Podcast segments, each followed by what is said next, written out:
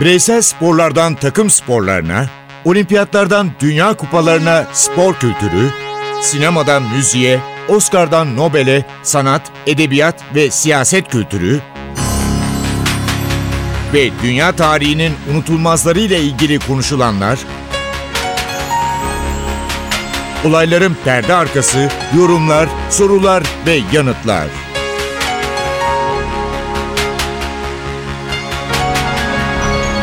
Ercan Taner ve Mert Aydın'la Ateş Arabaları başlıyor.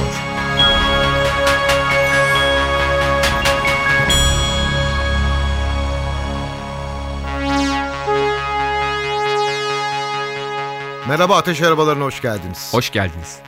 Enteresan bir konudayız. 1789. Bir çağda her şeyi değiştiren olay. Fransız ihtilali. Bugün onunla, tarihle başlayacağız. Ama Fransız futbolu da her şeyi değiştirdi. Bu iki konuyu birbiri içinde inceleyeceğiz. Unutulmaz Fransız sanatçılarla yine bu programımızda birlikte olacağız. Neydi sebebi Fransız ihtilalinin? En önemli sebeplerinden biri halk artık farklı sınıflara ayrılmıştı. Soylular, rahipler, burjuvalar ve köylüler. Dört grup vardı. Fransız aydınları bu konuda tepkiliydi. Kimdi bunlar? Jean-Jacques Rousseau, Voltaire ve Montesquieu. Evet, buna daha da eskiye gidersek Descartes'i de belki ekleyebiliriz. Sonrasında dediğin isimlere Diderot'u ve bunun yanında 1700 yılların son bölümünde 1770'li yıllarda Amerika Birleşik Devletleri'nde yaşananlar, Amerika'nın özgürlüğü, işte orada yayınlanan haklar bildirgesi bunların hepsi Fransa'da insanların nasıl diyelim dimalarını açmalarına neden oldu. Kraliyet rejiminin baskısı dayanılmaz hale gelmişti. Devletin başında halkın kesinlikle durumunu düşünmeyen bir yönetim vardı. Halk eşit değil, soylular, rahipler az önce söylediğim gibi burjuvalar ve köylüler birbirlerinden nefret ediyorlardı. İngiltere ve Amerika'dan sen de bahsettin. Evet. Özellikle Amerika'nın İngiltere'den aldığı özgürlük, mali zorluklar ve vergilerin de çok ağır olması Fransa'da, imparatorlukta huzursuzluğa yol açıyordu. Evet Fransa'da da bir parlamento var ama o dönemde İngiltere'deki Britanya'daki etkinliğinde olan bir parlamento değil. Kralın istediği zaman açıp istediği zaman kapattığı bir parlamento. Ve bütün bunlar işte talepler, parlamentonun talepleri, orta sınıfın talepleri 16. Louis tarafından kabul edilmedi. Ve yavaş yavaş ortam kızıştı ve 14 Temmuz 1789'da halkın Bastil hapishanesine saldırısı var. Bastil hapishanesinin esprisi nedir ya da önemi nedir? Özellikle sisteme, krala karşı gelenlerin atılıp bazen 40 yıl, 50 yıl, 60 yıl hiç yargılanmadan dehlizlerde kaldığı, insanların Unutulduğu. unutulduğu bir hapishane. Okumamış olanlara Charles Dickens'ın İki Kentin hikayesini tavsiye edelim. Herhalde Bastil'de yaşananları da en güzel anlatan hikayelerden bir tanesidir. Bastil'e saldırmaları gerçek anlamda Fransız ihtilalinin başlangıcı olarak kabul edilebilir. Rahipler ve asiller toprakların üçte ikisine sahip. Fransız ihtilali öncesinde vergiyi tamamen köylülerden alıyor kral. Sanayiyi ayakta tutan, vergi veren burjuvalarda onların da bir siyasi hakkı yok. Bu ihtilalin önemli sebeplerinden biri. Mutlak monarşi yıkılarak egemenliğin halka ait olduğu için Fransız ihtilali başlar. Evet. Tabii Fransız ihtilali başladığında çeşitli gruplar var. Bu grupların hepsinin farklı fikirleri var. Farklı düşünceleri var.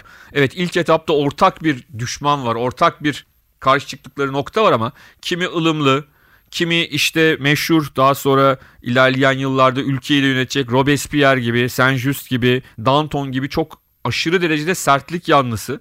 Kimi işte İngiliz usulü meşruti monarşi istiyor. Kimi tamamen halkın yönettiği bir devlet istiyor.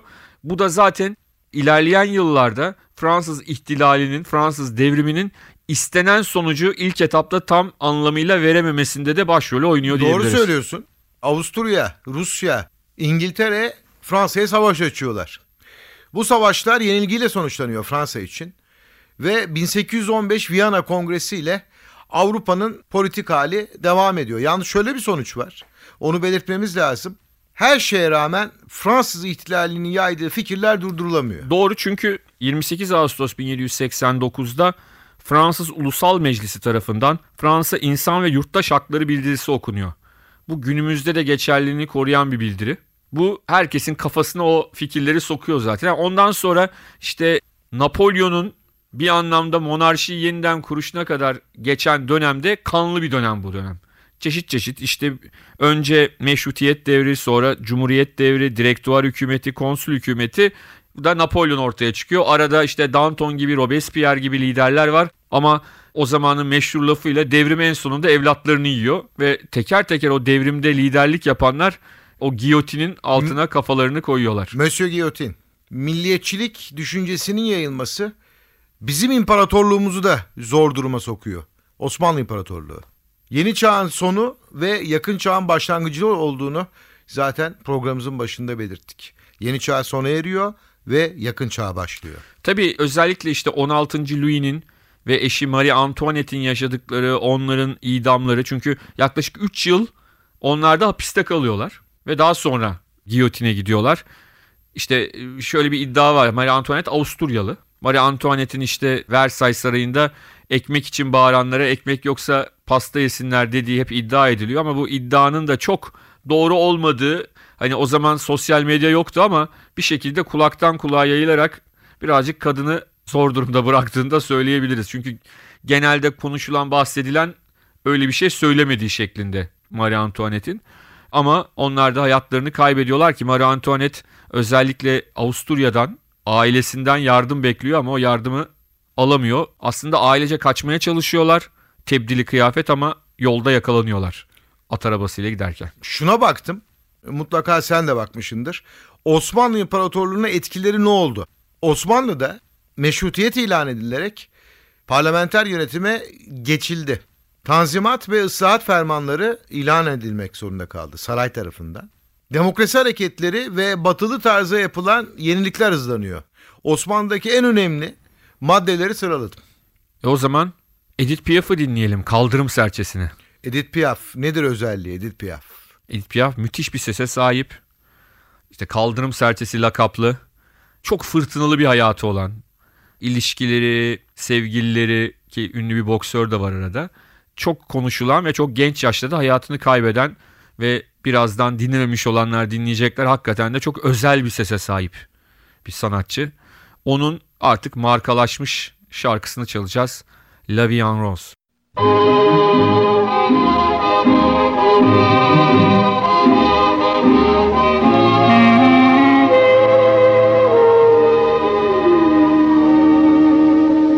Des yeux qui font baisser les miens, un rire qui se perd sur sa bouche, voilà le portrait sans retouche de l'homme auquel j'appartiens.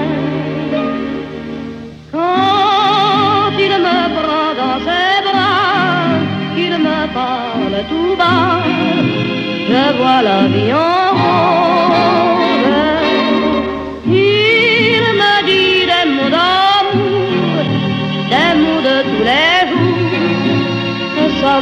Quelque chose. Il est entré dans mon cœur une part de bonheur dont je connais la cause.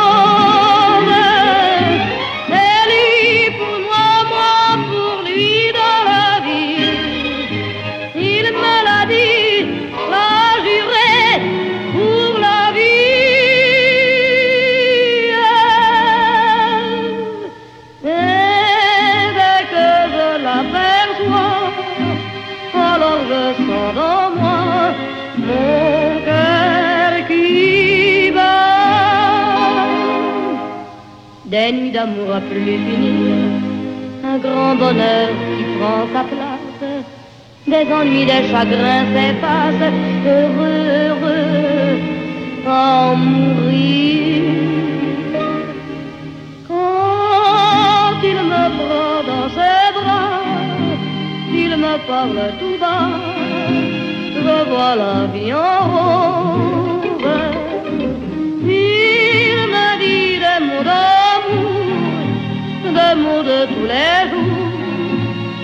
Me fait quelque chose.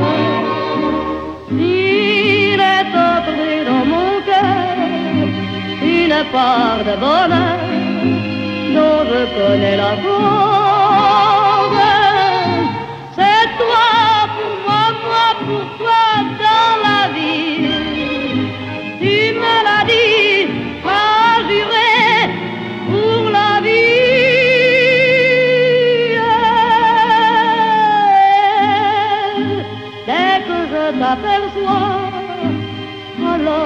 descend en moi mon cœur qui.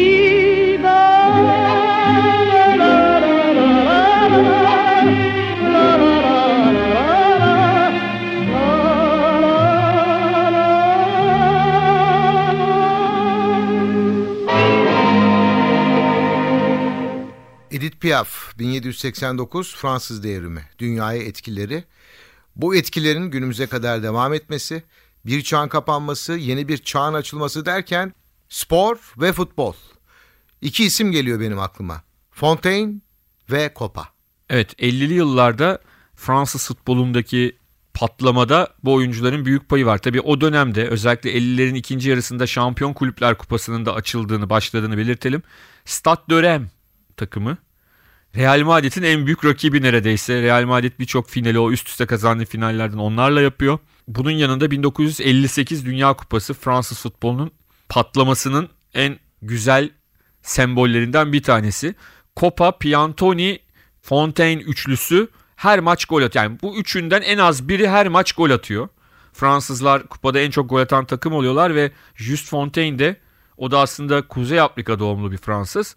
Attığı 13 golle bir kupada en çok gol atma rekorunu hala elinde bulunduruyor. Sonrasında bir sakatlık olmasa belki 62 Dünya Kupası'nda oynasa bugün hani işte yok Klose'yi o geçecek mi bu geçecek mi Ronaldo Klose falan diyoruz ya belki de hiç bunları bile konuşamaz halde olacaktık. Just Fontaine'in golleri gelseydi ama orada tabii Kopa aslında Kopa'nın gerçek soyadı Kopaszewski. Bir Polonyalı maden işçisinin oğlu. Fransa'da çok fazla özellikle madenlerde çalışan Polonya kökenli günümüzde de bir sürü insan var. Onlardan bir tanesi o da daha sonra Real Madrid formasıyla çok büyük başarıları imza atan çok büyük dünya futbol tarihinin önemli yıldızlarından bir tanesi. 50'li yılların ikinci yarısı Fransız futbolu için gayet parlak geçiyor ve 58 Dünya Kupası'nda da bronz madalya alıyorlar. Dünya üçüncüsü olmayı başarıyorlar. Ve belki de yarı finalde Brezilya ile değil İsveç'le oynasalardı belki onlar final oynayacaklardı bilemiyoruz. Öyle bir şanssızlıkları oluyor. Ama Fransız futbolunun adının gerçek anlamda Avrupa'ya da ses getirmesi bu kupayla oluyor. 70'li yıllarda ise Saint Etienne isimli bir kulüp. Saint Etienne küçük bir şehirdir. 15-16 gün kaldım orada. FIFA Konfederasyon Kupası vardı. Milli takımımızın Brezilya ile oynadığı maç unutulmaz bir maçtı. Ama gerçekten çok küçük bir şehir. Ve kulübe gittim, gezdim Saint Etienne kulübünü. Halen unutulmadık isimler. En önemlisi tabii ki Michel Platini. Evet. Roşto ve o klasik formaları vardır. Yeşil ince çizgiler vardır formalarında. Onlar bayağı yüksek bir fiyatla satılıyordu. O kadro siyah beyaz fotoğraflardan renkli dünyaya geçişte çok güzel bir galeride mükemmel sergileniyor. Evet Şampiyon Kulüpler Kupası finalini kaybetmeleri onu belki kazanmış olsalar bugün kimse yani herkesin bildiği bir kulüp olurlardı. Yine biliniyorlar ama o Şampiyon Kulüpler finali kaybettikleri onlar için acı bir hatıra. 78 Dünya Kupası'nda biraz hakem kurbanı oluyorlar. Arjantin'le aynı grupta olmanın talihsizliği biraz. Arjantin, İtalya, Fransa, Macaristan aynı grupta. Özellikle Platini isimli genç oyuncunun parladığı bir turnuva o. Ama 82'de o patlamayı tam anlamıyla yapıyorlar. 82 Dünya Kupası'da damgalarını vuruyorlar. Damgayı vururken yarı finalde 3-1 öne geçtikleri Almanya karşısında hem de uzatmalarda yedikleri 2 gol ve penaltıyla elenmeleri Fransız futbolunda o ihtilalin biraz gecikmesine de yol açıyor. Evet 2 yıl sonra kendi evlerinde Avrupa Futbol Şampiyonası'nda Platini'nin 5 maçta 9 gol attığı turnuva. Bir daha da herhalde Avrupa Futbol Şampiyonalarında bu kadar gol atabilen bir oyuncu olmaz diye düşünüyorum. Finalde İspanya'da karşısında Arconada'ya büyük hata yapıyor. Evet. Ve 1984'ün şampiyonu Evet. Fransa. 86 Dünya Kupası'nda da dünya üçüncüsü olmayı başarıyorlar. 82'de dördüncü olmuşlardı. 86'da devam ediyor. Çünkü Artık hep başarı geliyor. E çünkü işte Platini, Gires, Fernandez, Tigana, Gengini, Roşoto, Six, Amoros çok çok kaliteli. Bosis, Batskale'de çok iyi bir takım. Ama ne oluyor 86'dan sonra yavaş yavaş bu futbolcular futbolu bırakıyor. Platini 32 yaşında futbolu bırakıyor. Çok erken. Ve ondan sonra da gerileme dönemi. Halbuki yıldızlar çıkıyor işte Cantona, Ginola, İngiltere'yi alt üst ediyorlar bunlar. Papen, Uluslararası düzeyde bir türlü toparlanamama dönemi başlıyor. İşte hem 90 Dünya Kupası'na hem 94 Dünya Kupası'na katılamıyorlar. 92 Avrupa Şampiyonası'na Platini yönetiminde hazırlanıyorlar ve eleme maçlarının tamamını kazanıyorlar. Heh diyor herkes tamam. Fransa geri döndü. Platini oyuncuyken yaptığını teknik direktörken de yaptı. Ve Platini ile Fransa geliyor. Grup Fransa, İngiltere, İsveç, Danimarka. 92 Avrupa Şampiyonası'nda ve Fransız takımı istediğini alamadan gruptan elenerek çıkıyor ve ondan sonra da toparlanmak için işte 94'e gidememeyi bekliyorlar. Sonrasında işte Eme Jacquet geliyor. Yeni bir nesli getiriyor. Cantona'yı, nesli konuşurken- Cantona'yı, Papen'i hepsini atıyor. Ginola hiçbiri bir daha milli takımın yüzünü görmüyorlar. Ve Zidane önderliğinde bambaşka bir ekip geliyor. O nesli konuşurken Fransız sinemasından bahsetmemek olmaz. Tabii Jean Gabin'i uzun süre konuşmayacağız ama Alain Delon'u biraz konuşmak lazım.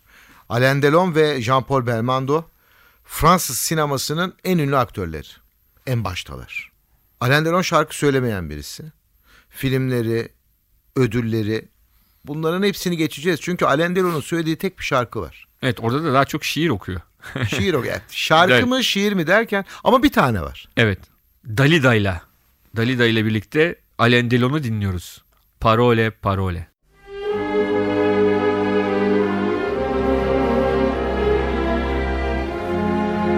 C'est étrange. Je ne sais pas ce qui m'arrive ce soir.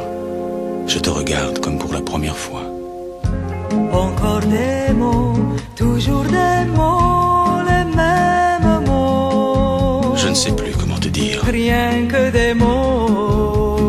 Tu es cette belle histoire d'amour que je ne cesserai jamais de Des lire. mots faciles, des mots fragiles, c'était trop beau. Tu es d'hier et de demain, Bien trop beau. de toujours, ma seule vérité. Mais c'est fini, le temps des rêves. Les souvenirs se fanent aussi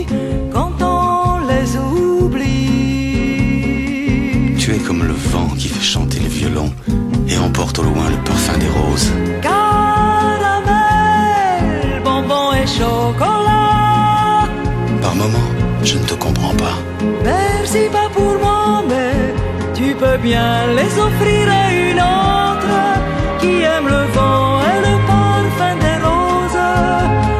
Moi, les mots tendres enrobés de douceur se posent sur ma bouche, mais jamais sur mon cœur.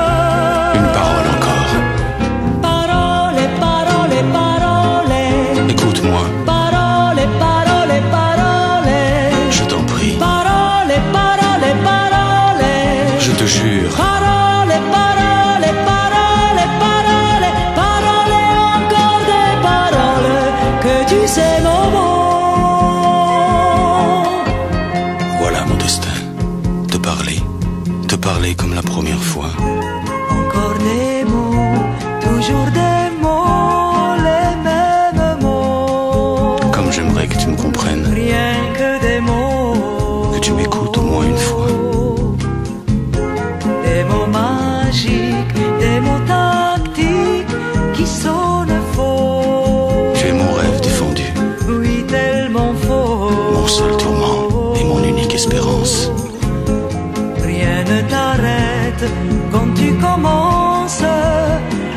savais comme j'ai envie d'un peu de silence.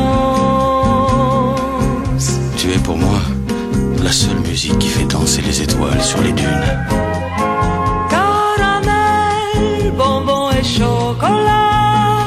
Si tu n'existais pas déjà, je t'inventerais. Merci pas pour moi, mais tu peux bien les offrir à une autre étoiles sur les dunes. Moi, les mots tendres enrobés de douceur se posent sur ma bouche, mais jamais sur mon cœur. Encore un mot, juste une parole. Parole, parole, parole. Écoute-moi, Parole, parole, parole. je t'en prie, Parole, parole, parole. je te jure.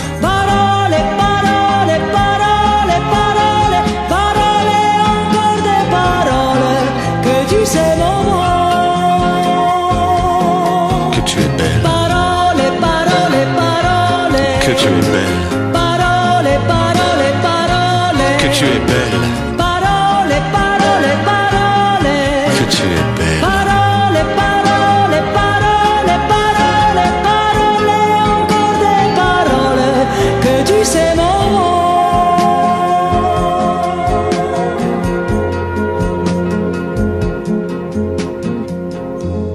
Şimdi Fransa niye futbol tarihine geçiyor? Fransa milli takımı. Dünya futbolunda iki uluslararası turnuvadan kupayla dönen takımların sayısı azdır. İşte bu takımlar İspanya, Almanya. Azdır çünkü bu takımlar. Parmakla gösterilir. Fransa bunlardan biri olmak için uğraşıyor. Ve yıl 1998. Evet 98 Dünya Kupası'nda kendi evlerindeki turnuvada bir yandan da Eme Jake çok eleştiriliyor. İşte Cantona, Ginola olayları, takımın oynadığı futbol, Givarş'ın hala anlayamadığımız bir şekilde o takımda oynuyor olması çok eleştiriliyor. Ve de bütün bunun yanında Fransa ilk turu çok rahat geçiyor ama maçlarda çok fazla da güven vermiyor oynadığı futbolla. İşte Zidane'ın Suudi Arabistan maçında atılışı, diğer maçların kazanılması ama oynanan futbolun güdüklüğü diyelim. Herkesi eyvah Fransa olmayacak mı deniyor. Üstüne işte ikinci turda 110 küsürüncü dakikada altın golle kazanılan Paraguay maçı. Ardından İtalya önünde 0-0 penaltılarla ancak geçilmesi. İş yarı finale kadar geliyor. Fransa tamam geldi ama Fransızların futbolu hala tartışılıyor. Hırvatistan önünde bir de ikinci yarının başında Şuker'in golüyle yenik duruma düşüyorlar. İşte oradan sonra ortaya bir adam çıkıyor. Lilian Thuram. Lilian Thuram'ın özelliği şu. Futbol kariyeri boyunca 100 küsür kere amilli oluyor. İki golü var. O iki gol de o gece. 100 milli maç, 2 gol ve o gece. O gece yarı final gecesinde sağ bek Lilian Thuram iki tane gol atıyor ve gollerden sonra da o kendine has böyle düşünen adam pozu. Ki Lilian Thuram çok entelektüel kişiliği fazla olan. Bir de kitap yazdı. Kitap mesela ırkçılığı anlatıyor. Birçok şeyi anlatıyor. Hayat hikayesinden çok gerçekten çok entelektüel seviyesi yüksek bir insan. Şimdi 2000 yılına baktığımızda Blanc, Deschamps ve tabii ki Zinedine Zidane. Evet. Yani Dok- Thuram'ın dışında 2000 yılına baktığımızda. Tabii 98'deki şampiyonluk Fransa Brezilya'yı finalde mağlup Tabii. ediyor. Esas görkemli maçını finalde oynuyor. Zidane'ın iki golüyle. Ve 2000'deki Avrupa Şampiyonası'na hoca Jacques ayrılıyor. Yardımcısı Lömer takımın başında. Nasıl bir forvet var biliyor musun? Henry, Trezeguet, Anelka. Evet zaten Henry ile Trezeguet e, 98 takımında da varlar ama yedekler. Giriyorlar gol atıyorlar ama ikinci plandalar. Ama 2000'de Givarş yok artık. Bir de üstüne genç bir Anelka da gelmiş durumda. Euro 2000'e de damgasını vuran takım oluyorlar ve yine bir altın golle finali kazanıyorlar. O müthiş son dakikalarda İtalya'ya attıkları beraberlik golü ve uzatmada da attıkları gol Wiltord ve Trezeguet'in golleriyle Avrupa şampiyonu üst üste önce Dünya Kupası sonra Avrupa şampiyonluğu. Bu yüzden bunun adı Fransız futbolunun ihtilalidir. O zaman biz başka bir şey yapalım. Ama şunu söylemem Evet. lazım. Cezayir'den gelen Cezayir Fransızlar Osmanlı'dan alıyorlar. Cezayir'de daha sonra bir iç savaş. Cezayir özgürlüğüne kavuşuyor ama Fransız Cezayir ilişkileri çok sert ilişkiler. Buna rağmen Fransa göçmen kabul ediyor ve onlardan biri Zinedine Zidane Fransız futbol tarihine geçiyor. Bir de şarkıcı var. Evet Zinedine Zidane'ın Cezayirli hemşerisi diyelim. Eniko Masyas. Eniko Masyas. Bir Cezayirli. Hatta Ajda Pekkan'la beraber de Paris'te Olimpi- Olimpiyada unutulmaz bir konser veriyor. Enrico Macias. Neredeyse bütün şarkıları hit öyle Evet, söyleyebiliriz. hatta şarkılarının çoğunu dinlediğinizde birçoğu zaten Türkçe'ye de çevrilmiş şarkılar. Ondan dinliyoruz. Onun yine en bilinen şarkılarından biri. O Gitarö Gitarö.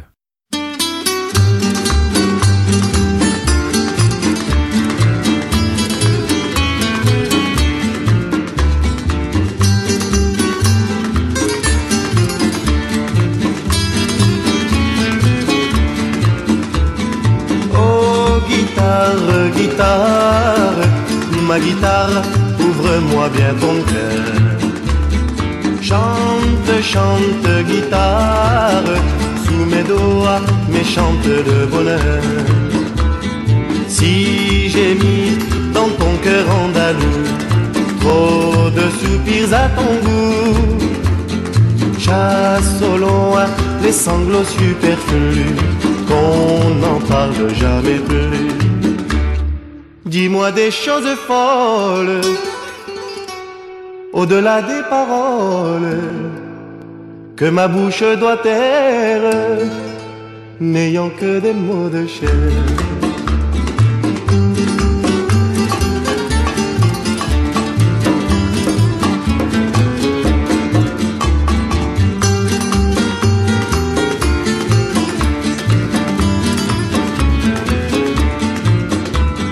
Ma guitare bavarde un s'est caché dans ta voix.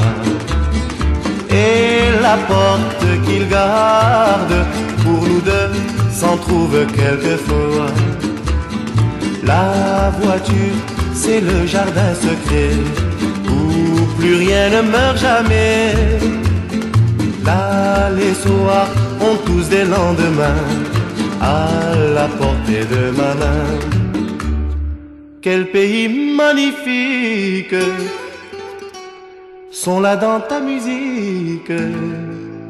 Moi-même je demeure ébloui par leurs couleurs. Oh guitare magique, quand tu fais vibrer tous tes accords. Un monde fantastique fait revivre ton cœur de bois mort.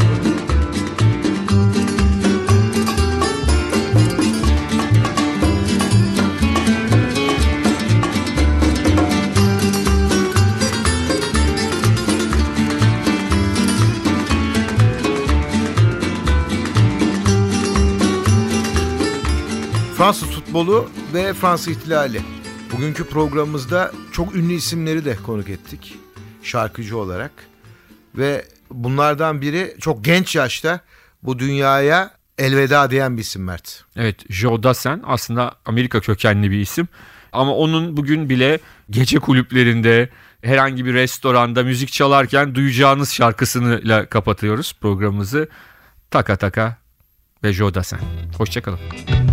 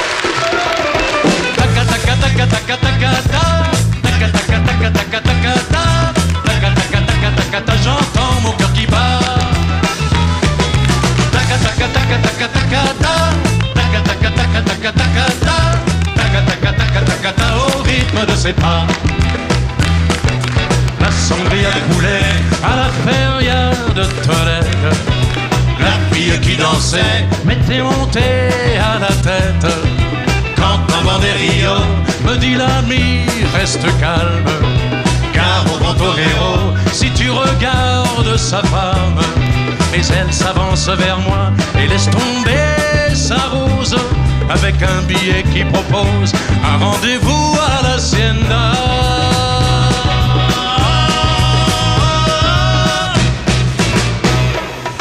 On s'était enlacé sous l'oranger, mais la dueña dont c'était le métier, crier vengeance aux arènes. Le matador trompé surgit de l'ombre et s'avance. Moi sur mon oranger, j'essaie de faire l'orange. Taka taka taka taka taka ta. Taka taka taka taka taka ta. Taka taka taka taka ta. J'entends mon cœur qui bat. Taka taka taka taka taka ta. Taka taka taka taka taka ta. Taka taka taka taka ta. Au rythme de ses pas.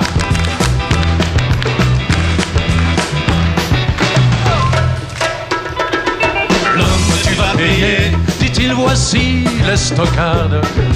Mes picadors sont prêts et mon œil noir te regarde. Et c'est depuis ce jour qu'un torero me condamne à balayer sa cour pour l'avoir faite à sa femme.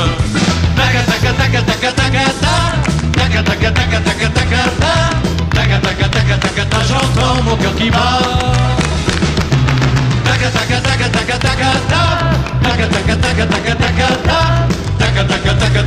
au rythme de ses pas.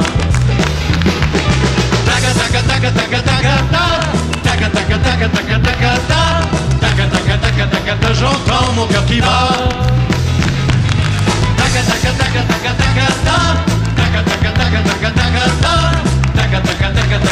Au rythme de ses pas.